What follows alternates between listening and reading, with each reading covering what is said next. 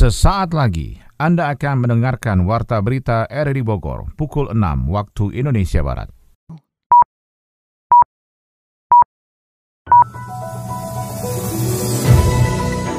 Selamat pagi, salam jumpa. Kami hadir kembali dalam Warta Berita edisi hari ini, Jumat 31 Maret 2023. Informasi ini juga turut disiarkan melalui audio streaming lewat RRI Play dan juga disiarkan lewat Radio Tegak Beriman Kabupaten Bogor, Jawa Barat dan Anda bisa akses di Spotify RRI Bogor. Berita utama pagi ini adalah pemerintah meminta pecinta sepak bola tanah air tidak larut dalam kesedihan akan batalnya Indonesia menjadi tuan rumah Piala Dunia U20.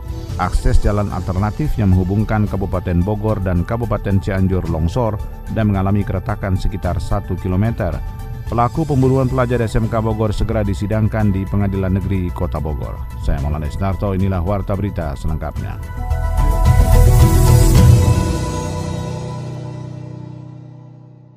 PLT Menpora, Muhajir Effendi meminta para pemangku kepentingan dan penggila sepak bola untuk tidak larut dalam kekecewaan dan kesedihan akibat batalnya Indonesia menjadi tuan rumah Piala Dunia U20. Berikut dilaporkan Adi Fajar Nugraha.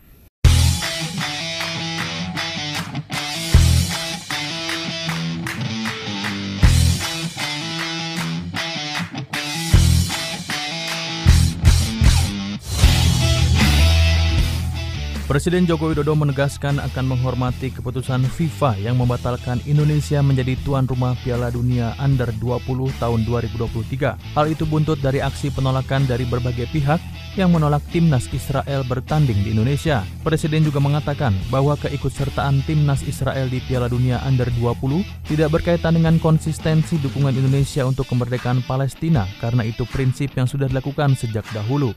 Kepala negara juga meminta untuk semua pihak untuk tidak mencampur adukan urusan politik dan olahraga karena sejak awal Indonesia konsisten terhadap dukungan diplomatik kemerdekaan Palestina terhadap Israel. Di sisi lain pemerintah tetap mendorong kemajuan olahraga khususnya sepak bola dalam negeri. Saya tahu keputusan ini membuat banyak masyarakat kecewa.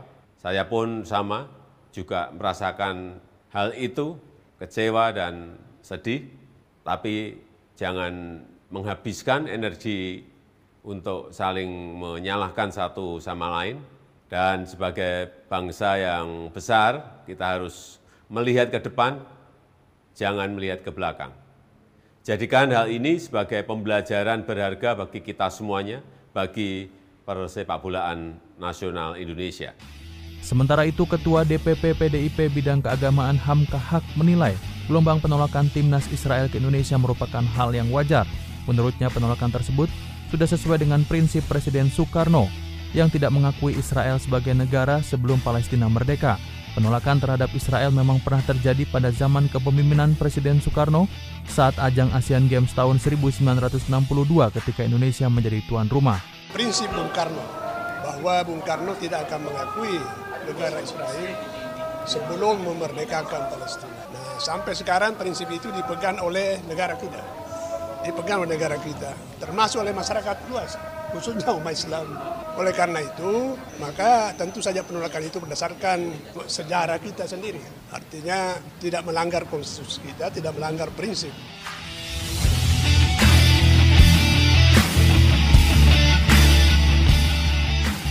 Pelaksana tugas PLT Menteri Pemuda dan Olahraga Muhajir Effendi meminta para pemangku kepentingan dan penggila sepak bola untuk tidak larut dalam kekecewaan dan kesedihan akibat batalnya Indonesia menjadi tuan rumah Piala Dunia Under 20. Menurutnya masih banyak pekerjaan rumah yang harus diselesaikan dalam memajukan persepak bolaan tanah air. Tentu saja kita semua bersedih dan sangat kecewa dengan keputusan FIFA pastilah gitu. Dan saya kira dari pihak FIFA juga sangat menyadari itu bahwa keputusannya pasti membuat kecewa banyak orang. Tetapi kan ini wewenang penuh dari FIFA dan FIFA pasti telah memilih yang terbaik keputusannya untuk kita. Karena itu saya menggarisbawahi Pak Muldoko siapa saja yang merasa ikut memiliki empati terhadap masalah ini termasuk para penggemar sepak bola termasuk saya gitu ya jangan terlalu lama bersedih dan juga jangan terlalu lama kecewa karena masih banyak pekerjaan dan program untuk memperbaiki kinerja persepak bolaan kita ke depan.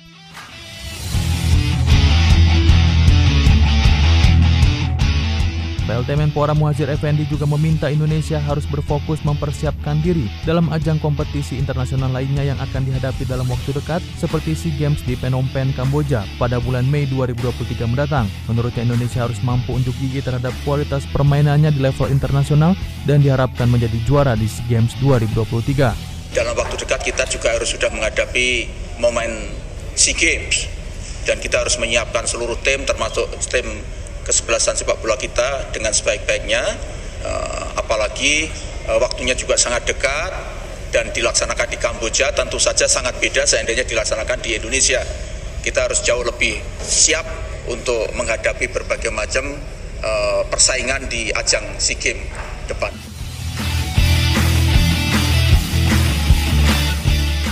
FIFA secara resmi membatalkan Indonesia menjadi tuan rumah Piala Dunia Under 20 pada Rabu 29 Maret 2023. Keputusan itu diambil setelah adanya isu penolakan terhadap timnas Israel yang juga menjadi peserta untuk datang ke Indonesia. Sementara sanksi potensial dari FIFA untuk Indonesia pun akan diputuskan dalam waktu dekat. Lalu bagaimana tanggapan masyarakat mengenai batalnya Indonesia menjadi tuan rumah Piala Dunia U20? Berikut kita ikuti liputannya. Nama saya Riza Rizkiawan asal dari Bekasi. Piala Dunia U20 yang batal di Indonesia cukup kecewa karena memupus harapan anak-anak muda bangsa Indonesia untuk mewakili negaranya yang sudah ditunggu-tunggu dari kecil mungkin ya. Sampai akhirnya dia batal ya. Ya mudah-mudahan ke depannya dapat yang terbaik lah ya. Nggak kayak gini lagi saya Imar Jakaria, ini sangat disayangkan sekali dan juga sangat prihatin. Apalagi anggaran sudah direalisasikan dan sudah tinggal pakai aset olahraga tersebut. Lapangan-lapangannya itu persiapannya nyatanya sia-sia. Yang terutama anak-anak muda kita yang lagi antusias tinggi di dalam dunia persepak bolaan dalam hitungan detik sejak diumumkan dibatalkannya gelaran Piala Dunia ini langsung hancur. Sama gue Cecep kalau menurut gue sih FIFA memiliki standar ganda ya. Kenapa Rusia di? Karena dia menyerang Ukraina kan. Nah ini Israel kan dia nyerang Palestina. Kenapa dia nggak di? Itu kan standar ganda jadinya. Nah itu kenapa banyak juga orang yang menolak Israel bertanding di sini kan di Indonesia. Seharusnya nggak usah ditolak. Kalau emang kita mau ngejek ya, ngejek Israel, kita ejek aja di sini. Kita bentangkan bendera Palestina. Kasihan lah timnas U20 ya kan udah latihan. Sekitar mungkin berapa tahun lah dua tahun mungkin ya. Nangis semua jadi. Sani dari Bekasi. Ini sangat kaget ya sebenarnya. Kecewa banget dan kayak malu gitu loh sebagai bangsa Indonesia. Kok event sebesar ini gitu yang seharusnya bebas dari sangkut paut politik agama dan lain-lainnya itu kok disangkut-sangkutin kayak gitu. Jadi merugikan banyak pihak seperti timnas, warga negara ya kan, terus pemerintah juga yang sebagai penyelenggara yang udah menurunkan budget atau dana triliunan kan? Termasuk dengan artis-artis yang udah bikin lagu kan semuanya jadi sia-sia membela negara lain sampai segitunya jadi merugikan negara sendiri gitu. Tapi ya balik lagi jangan sampai terlalu saling menyalahkan mencari kami hitam. Jadi ya udah berbesar hati aja lah mungkin Indonesia belum cocok sebagai tuan rumah gitu kan. Mungkin lain kali bisa gitu. Ya udah jadi introspeksi diri aja sih semuanya. Selain membawa kecewa masyarakat, batalnya Indonesia menjadi tuan rumah Piala Dunia U20 dikhawatirkan akan memunculkan sanksi yang dijatuhkan FIFA kepada sepak bola Indonesia. Hal itu terungkap dalam wawancara bersama pengamat sepak bola nasional Kesit Behandoyo berikut ini. Bung Kesit, salam olahraga, Bung. Salam olahraga. Kalau kita bicara soal holistik sepak bola, dengan keputusan ini sebenarnya dari pengamatan Anda apa yang akan terjadi sebenarnya, Bung Kesit? Uh, iya, jadi kalau kita yang merasa cinta dengan sepak bola, terlebih lagi dengan sepak bola eh, negeri sendiri, sudah pasti pembatalan yang dilakukan oleh FIFA terhadap Indonesia sebagai tuan rumah Piala Dunia U20 tentu saja sangat disayangkan ya karena ini sangat mengecewakan buat publik sepak bola Indonesia dan tentu saja sangat e, menyakitkan begitu ya. E, kenapa? Karena ini adalah event besar, event yang sudah disiapkan sejak e, 2019 bahkan harus mengalami pengunduran karena ada COVID-19 ya seharusnya 2021 kemudian mundur dan implikasinya tentu saja sangat uh, mengalami kerugian bukan saja dari sisi moral ya tapi juga dari sisi material. Dari sisi moral sudah pasti kita seperti kehilangan eh, kepercayaan dari Federasi Sepak Bola Dunia, kemudian dikucilkan, eh, ya ancaman dikucilkan eh, oleh negara-negara peserta Piala Dunia U20 dan juga negara FIFA lainnya sangat mungkin terjadi karena apa? Ya karena Indonesia eh, ternyata akan sebagai negara yang tidak eh, memiliki komitmen tinggi ketika sudah ditunjuk menjadi tuan rumah, tapi ternyata di ujung ya di ujung ketika helakan ini akan eh, segera memasuki eh, kick off ternyata Indonesia diguncang oleh persoalan-persoalan di dalam eh, negeri sendiri entah itu eh, polemik tentang eh, penolakan hadirnya Israel Mhm. sebagai salah satu negara peserta ya.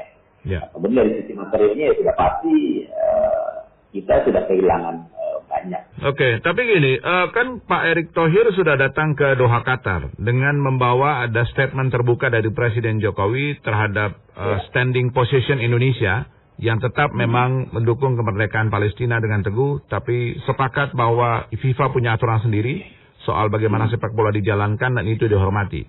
Eh, berarti kedatangan Erick Thohir ke Doha Qatar sebenarnya sudah tidak berpengaruh apa-apa lagi. Atau mungkin ada mungkin polemik lain yang mungkin memperkuat FIFA meyakini bahwa ya udah batal aja lah walaupun itu sudah ada kejelasan sikap pemerintah Indonesia yang langsung disampaikan presiden. Iya, sangat sangat mungkin ya. Jadi hanya formalitas aja gitu ya. Surat yang diantarkan oleh Ketua Umum PSSI, eh, Bapak Erick Thohir kepada Gianni Infantino, Presiden FIFA, itu hanya semacam formalitas eh, bahwa Indonesia eh, seakan-akan atau seolah-olah sudah bertemu, ya sudah menyampaikan eh, apa yang disampaikan juga oleh Presiden Jokowi dan saya pikir wajar kalau Presiden Jokowi memang harus mengatakan seperti itu, harus mengatakan bahwa eh, pemerintah Indonesia siap menerima siapa pun gitu ya, Ya. termasuk Israel. Itu kan bagian dari komitmen kita menjadi Mhm. tuan rumah Piala Dunia, Ya. ya. Eh, saya pikir ya beliau memang harus eh, bicara seperti itu, bahwa kemudian eh, FIFA tidak lagi menganggap omongan presiden itu sebagai eh, garansi bahwa Indonesia akan tetap siap menjadi tuan rumah, ya akhirnya kan pilihannya memang eh, di FIFA. Apa, imbas yang akan terjadi pada timnas kita secara teknikal di semua level umur? Dalam suratnya kan jelas ya, FIFA selain eh, membatalkan Indonesia sebagai tuan rumah, kemudian juga eh, akan membicarakan kemungkinan potensi sanksi. Iya. Ya, ya kalau kita kan berharap sanksi itu kalaupun dijatuhkan jangan sampai eh, berat, ya jangan sampai kemudian Indonesia mengalami hal serupa seperti tahun 2015 ketika di ban Mhm. oleh FIFA. Tapi kemungkinan untuk di ban itu juga kan besar kemungkinan. Kita kan juga tidak bisa menyepelekan. Hmm. Karena apa? Eh, menurut saya pembatalan itu memang sebuah pukulan yang sangat keras buat Indonesia. Ini event penting buat FIFA, tapi kita seperti terkesan eh, nggak serius, Hmm. ya kita nggak komit gitu. Ini kan buat FIFA nih eh, jadi apa ya? Mereka kan jadi semacam dilecehkan gitu loh. Dalam waktu yang begitu mepet, FIFA disibukkan harus mencari lagi negara yang siap untuk eh, menjadi pengganti eh, Piala Dunia U20 ini, Hmm. ya kan? Hmm. Nah, kalau kemudian hukuman itu jatuh, katakanlah di ban Indonesia, ya mau ngapain juga FIFA? Mereka bilang katanya tetap siap untuk membantu eh, apa namanya eh, Transformasi Ya. transformasi sepak bola di Indonesia. Ya kalau kita dihukum, apa mereka masih mau peduli? Kan itu persoalannya. Orang kalau dihukum itu kan kita udah nggak boleh mengikuti kegiatan apa-apa lagi. Iya betul. Semua event Iya, kan? FIFA nggak bisa kita Iya, ikuti. iya. Baik, baik Bung Gusit, terima kasih banyak. Salam olahraga Bung Salam Gusit. Semangat bener joggingnya. Iya tuh kudu semangat biar tetap sehat nih bu Sehat kan mahal Ih, setuju bu. Kalau udah sakit mah boro-boro olahraga ya. Yang ada masuk rumah sakit. Bener Kalau kata orang mah mensana incorpore sano Alias di dalam tubuh yang sehat teh terdapat jiwa yang kuat bu. Ini teh ngomong-ngomong mau jogging ke mana bu? Mau jogging ke alun-alun. Sekalian cuci mata ah bu. Di sana kan suka banyak barang obral murah Siapa tahu dapet Atuh kalau gitu saya mau ikut jogging ah biar sehat juga. Sekalian beli barang obralan. Eh, ibu mau ke mana ini teh? Mau jogging apa? Biar sehat. Kalau ibu jogging nanti bapak sarapan apa? Beli nasi uduk di Mpo Janap aja ya. Bu, bentar ya Bu, saya ganti legging macan dulu. Jangan lama-lama ya Bu, keburu panas ntar. Akses jalan alternatif yang menghubungkan Kabupaten Bogor dan Kabupaten Cianjur longsor dan mengalami keretakan dengan panjang kurang lebih 1 km. Berikut dilaporkan Yofri Haryadi. Akses jalan alternatif yang menghubungkan Kabupaten Bogor dan Kabupaten Cianjur longsor dan mengalami keretakan dengan panjang kurang lebih 1 km. Peristiwa yang terjadi pada Selasa 28 Maret tersebut kini semakin parah lantaran tanah terus bergeser sehingga hanya dapat dilalui oleh kendaraan roda 2 saja. Staf Bidang Kedaruratan dan Logistik BPBD Kabupaten Bogor, Jalaluddin, telah melakukan asesmen awal di lokasi kejadian. Menurutnya, pergeseran tanah terjadi tidak jauh dari objek wisata Curug Cipaminggis, tepat tepatnya di Kampung Cibitung RT 2 RW 6 Desa Warga Jaya, Kecamatan Sukamakmur. Akibat pergeseran tanah tersebut, BPBD dengan Forum Pimpinan Kecamatan Sukamakmur mengalihkan kendaraan roda 4 ke jalan alternatif. Kejadian tanah bergerak hari kemarin tanggal 20 28 Maret eh, kurang lebih jam 14.00. Panjang retakan kurang lebih 1 kilo dari titik 0 sampai ke bawah. Yang terdampak jalan penghubung antara dua desa yaitu Desa Sukawangi dan Desa Warga Jaya, Kecamatan Sukamakmur dan ada beberapa bangunan warung dan villa di bawahnya yang terkena dampak dari pergerakan tanah. Ya, untuk jalur alternatif Cianjur untuk saat ini ditutup untuk kendaraan roda 4, untuk roda 2 masih bisa dilalui oleh masyarakat. Ada jalan alternatif dari desa Gunung Batu, Sukoharja. Dari BPBD sendiri seperti apa Pak? Untuk kami di nangani tanggap daruratnya saja, untuk lain lain nanti kami sudah koordinasi dengan pihak terkait, di bagian mitigasi, ya, BMPG dan Dinas PUPR. Untuk kedalaman retakan bervariasi. Untuk longsoran di belakang kita ini aja kurang lebih 5 meter, panjang 10 meter, kelebaran 3 meter. Terkait penanganan jalan rusak akibat pergeseran tanah itu pun BPBD Kabupaten Bogor membutuhkan bantuan alat berat dan bahan material untuk membuat jalan alternatif yang dapat dilintasi pengendara roda 2. Kendaraan roda 4 maupun lebih, jalur lintasannya dialihkan ke Desa Sukaharja, lalu ke Desa Sukawangi menuju Kabupaten Cianjur dan sebaliknya. Sementara itu akibat hujan deras yang beberapa hari terakhir terjadi mengakibatkan tembok penahan tanah TPT bantaran Sungai Ciapus di Desa Babakan, Kecamatan Ramaga, Kabupaten Bogor ambruk. Berikut dilaporkan Adi Fajar Nugraha. Tembok penahan tanah TPT Bantaran Sungai Ciapus di Desa Babakan, Kecamatan Dramaga, Kabupaten Bogor, ambruk akibat hujan deras yang beberapa hari terakhir terjadi dan menyebabkan air sungai meluap. TPT itu sebelumnya sempat longsor akibat banjir yang terjadi pada tahun 2022 lalu. Camat Dramaga Teni Ramdhani mengungkapkan telah melakukan peninjauan bersama Dinas PUPR dan didapatkan bahwa kondisi TPT sepanjang 20 meter dengan tinggi 7 meter itu semakin terkikis dan mengancam warga sekitar. Terdapat pemukiman dan sebuah bangunan madrasah yang terancam akibat ambruknya TPT tersebut. TNI sudah meminta agar TPT itu ditutup dan dibuatkan tembok penahan sementara agar tidak memperparah kondisi struktur tembok yang membahayakan warga. Ini kali ketiga kami bersama dengan Pak Kades, jadi juga dari UPT Pengairan Dinas PUPR Kabupaten Bogor bersama-sama dengan uh, kecamatan kami meninjau bongkahan TPT yang memang sudah ambruk sejak Agustus 2022. Namun uh, makin ke sini semakin memperparah karena ada hujan yang sangat lebat sehingga debit dan ketinggian air itu mencapai 9 meter. Akhirnya uh, mengikis kembali uh, bongkahan yang sudah hancur dari tiga bulan sebelumnya. Nah ini bisa kita lihat sekarang jalanan milik warga itu sudah sudah mulai terkikis dan tempat mencuci uh, pakaian yang tadinya ada sekarang tangganya sudah hilang. Pihaknya lanjut TNI telah melaporkan kepada Pemkap Bogor, Balai Besar Wilayah Sungai atau BBWS dan Dinas PSDA Provinsi Jawa Barat untuk segera dilakukan revitalisasi TPT demi keselamatan warganya. Nah, maka dari itu kami bersama-sama ini akan menindaklanjuti bagaimana laporan kami yang lalu dan hari ini kami akan melaporkan kembali untuk permohonan revitalisasi TPT di Sungai Ciapus kepada BBWS dan juga eh, PSDA. Sebelumnya TPT di bantaran Sungai Ciapus, Desa Babakan, Kecamatan Dramaga telah ambruk sebanyak tiga kali akibat tidak mampu menahan debit air sungai yang tinggi saat hujan deras. Masyarakat sekitar diimbau untuk waspada dan melakukan mitigasi bencana guna mencegah dampak dari ambruknya TPT tersebut.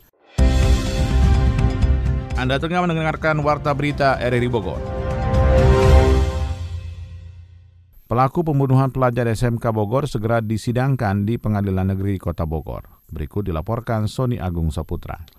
Kejaksaan Negeri Kota Bogor telah merampungkan proses penanganan kasus penyidikan pembunuhan pelajar SMK di kawasan Pomat, Bogor Utara, Kota Bogor. Dari kasus tersebut, aparat kepolisian sudah menangkap dua dari tiga orang pelaku pembunuhan pelajar saat pulang sekolah di kawasan persimpangan Pomak, Bogor Utara, Kota Bogor. Kepala Kejaksaan Negeri Kota Bogor, Waito Wongga Taeleng, mengatakan pihaknya sudah menerima pelimpahan dari aparat penyidik Reskrim Polresta Bogor Kota untuk proses tahap selanjutnya. Penelitian dan pemberkasan kasus juga sudah selesai dan segera disidangkan di Pengadilan Negeri Kota Bogor. Menurutnya dalam penyidangan anak Kasus anak berhadapan dengan hukum ada tim jaksa yang mempunyai spesifikasi khusus dalam menuntut kasus tersebut, sedangkan untuk pelaku jaksa penuntut umum sudah menyiapkan pasal berlapis di antaranya Undang-Undang Perlindungan Anak dan pasal 338 KUHP dengan ancaman hukuman 15 tahun penjara. Dilimpahkan ke pengadilan. Oh sudah dilimpahkan pengadilan. Tinggal nunggu tinggal nunggu penetapan dari BEN untuk hari sidangnya. Uh, artinya tim jaksa sudah ada tim khusus belum? Sudah, karena ini menyangkut uh, perkara ABH anak yang berhadapan dengan hukum, otomatis jaksa yang ditunjuk pun jaksa yang sudah bersertifikasi hmm. untuk melakukan uh, penuntutan terhadap ABH anak yang berhadapan dengan hukum. Sertifikasi itu melalui pendidikan khusus di Badan Diklat Kejaksaan. Pasalnya itu pasal tentang perlindungan anak, kemudian pasal juga itu pasal dari KUHP 338. 340 nya nggak masuk? 340 dari penelitian yang ada itu dari ahli pun itu uh, dalam keterangannya 340 nya tidak. Tidak. Sementara itu Kapolresta Bogor Kota Kombes Pol Bismo Teguh Prakoso menegaskan saat ini pihaknya terus melakukan pengejaran kepada pelaku utama yang melakukan pembacokan terhadap korban dan pihaknya menghimbau agar menyerahkan diri kepada aparat penegak hukum. Lakukan pengejaran ya uh, dipimpin oleh Kasat Reskrim beserta jajarannya. Ya. Kita tunggu nanti hasil ungkapnya. Ini terus kita lakukan uh, pembuntutan dan pengejaran karena tersangka ini berpindah-pindah terus. Terdeteksi di sekitar Kota Bogor. Identitas sudah ya dan tetap kita lakukan eh, apa namanya pengungkapan dan pengejaran. Makanya kita bisa tahu bagaimana dia berpindah karena ya terus kita lakukan pengejaran. Kepolisian sudah mengetahui jati diri pelaku dan segera melakukan penangkapan kepada pelaku untuk bisa mempertanggungjawabkan perbuatannya di muka hukum. Assalamualaikum warahmatullahi wabarakatuh. Marhaban ya Ramadan, marhaban ya Syahrul Siam wa Syahrul Magfirah. Saya Bimaria, Wali Kota Bogor, mengucapkan selamat menunaikan ibadah puasa 1444 Hijriah kepada para pendengar setia RRI Bogor di di mana pun berada. Insya Allah di bulan yang penuh dengan keberkahan ini kita bisa menjadi pribadi yang jauh lebih baik, bermuhasabah diri dan lebih mendekatkan diri kepada Sang Pencipta Allah Subhanahu wa taala. Terima kasih. Wassalamualaikum warahmatullahi wabarakatuh. Marhaban ya Ramadan, marhaban ya Ramadan, marhaban ya Ramadan, marhaban ya Ramadan.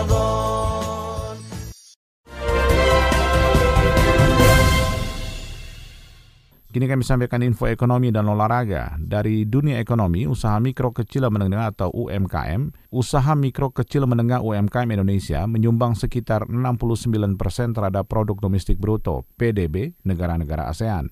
Asosiasi Pengusaha Indonesia siap membayar tunjangan Hari Raya THR Lebaran 2023 tepat waktu dan tanpa dicicil.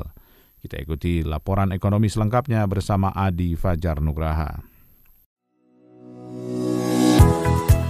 Menteri Keuangan Sri Mulyani menyebut usaha mikro kecil dan menengah atau UMKM menyumbang sekitar 35 hingga 69 persen terhadap produk domestik bruto PDB negara-negara di ASEAN. Hal itu ia sampaikan dalam pertemuan Menteri Keuangan se-ASEAN di Bali kemarin. Selain itu ia menyebut UMKM turut memainkan peran penting dalam menciptakan lapangan kerja, yakni menyerap sekitar 35 hingga 97 persen tenaga kerja di negara-negara ASEAN. Bisnis UMKM berkontribusi 61 persen terhadap PDB serta mampu menyerap menyerap 97% tenaga kerja di dalam negeri. Menurutnya UMKM harus bisa lebih produktif sehingga bisa memberikan dampak yang lebih besar terhadap masing-masing ekonomi anggota ASEAN. Ia membagikan tiga strategi memperkuat kerangka kerja regional ASEAN demi mendukung UMKM. Pertama, seluruh negara ASEAN perlu menyediakan data yang jelas dan kuat dari UMKM. Untuk menyinergikan UMKM di negara-negara ASEAN, pemerintah harus bisa membedakan dan mengidentifikasi sektor-sektor apa saja yang digeluti para pelaku UMKM di negara kawasan. Kedua, menyediakan fasilitas digital bagi UMKM. Hal ini bisa dilakukan dengan memberikan layanan kredit yang relevan dan penting bagi UMKM untuk bisa menerapkan transaksi elektronik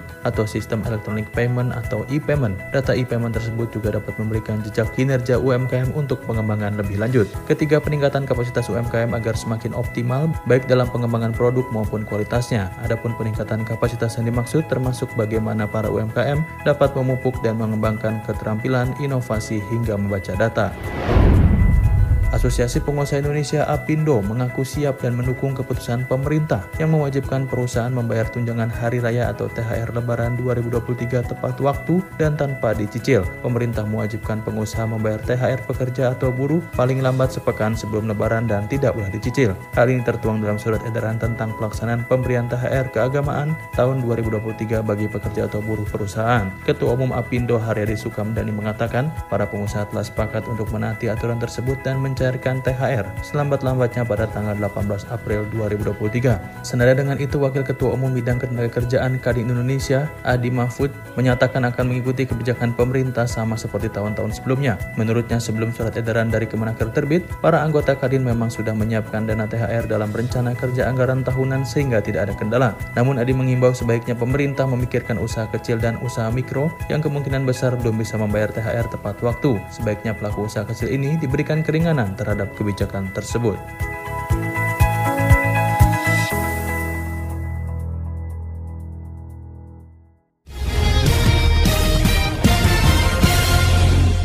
Dari dunia olahraga, insan sepak bola Bogor kecewa Indonesia gagal menjadi tuan rumah Piala Dunia U20. Kita ikuti laporan Ermelinda.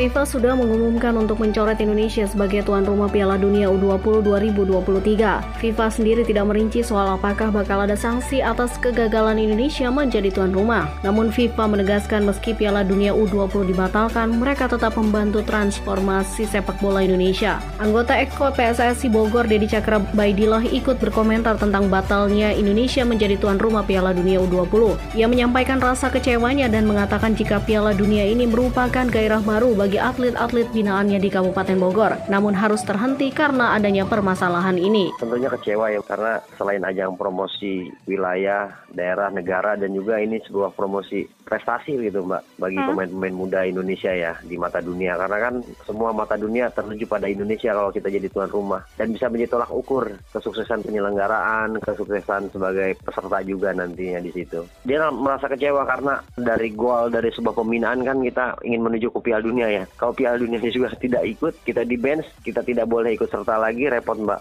Tidak ada tujuannya yang jelas nanti hal pembinaan dari mulai asosiasi, federasi yang tingkat kabupaten, kota, tingkat provinsi, tingkat nasional dan tingkat dunianya Mbak. Seperti itulah ya. Menjadi harapan ya, harapan pemain bola seperti ini bisa membangkitkan gairah Mbak, antusias yang hmm. besar bagi masyarakat. Apalagi anak-anak yang grassroots di bawah umur 15-16 itu mereka akan semangat dengan ada Piala Dunia. Dia akan menambah energi ya, energi positif. Menurut Dedi, kondisi ini akan membuat semakin sulit bagi generasi penerus atlet sepak bola di tanah air. Semangat dan gairah yang sudah dibangun beberapa tahun ke belakang harus putus di tengah jalan. Namun Dedi berharap sepak bola Indonesia masih memiliki harapan yang baik di event-event lainnya. Sementara Iswahyudi, Ketua PSSI Askap Bogor juga ikut menyuarakan kekecewaannya. Ia menjelaskan pembinaan yang selama ini dilakukan bukan lain untuk bisa membawa atlet baru sepak bola khususnya di Kabupaten Bogor untuk bisa terus maju hingga ke kancah nasional dan internasional. Sehingga ia berharap akan ada angin segar ke depannya terkait sepak bola Indonesia yang akan berpengaruh ke sektor daerah-daerah di Indonesia khususnya Kabupaten Bogor. Ya memang kan kita mencetak anak-anak Kabupaten Bogor ini khususnya kita kepengen lah ada jenjang lebih ke atas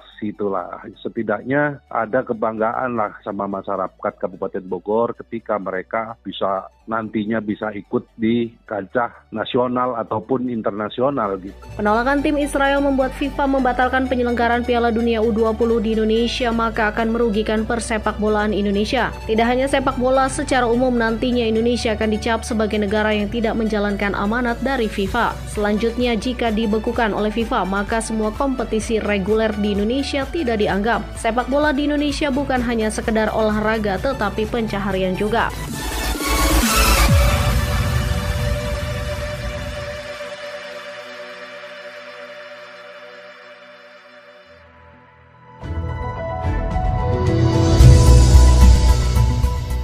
Demikian rangkaian informasi yang kami hadirkan di Warta Berita RRI Bogor pagi ini. Sebelum berpisah, kami kembali sampaikan berita utama. Pemerintah meminta pecinta sepak bola tanah air tidak larut dalam kesedihan akan batalnya Indonesia menjadi tuan rumah Piala Dunia U20. Akses jalan alternatif yang menghubungkan Kabupaten Bogor dan Kabupaten Cianjur longsor dan mengalami keretakan sekitar 1 kilometer. Pelaku pembunuhan pelajar SMK Bogor segera disidangkan di Pengadilan Negeri Kota Bogor. Saya Molanes Narto, bersama tim yang bertugas pada hari ini mengucapkan terima kasih atas perhatian Anda. Selamat pagi dan sampai jumpa.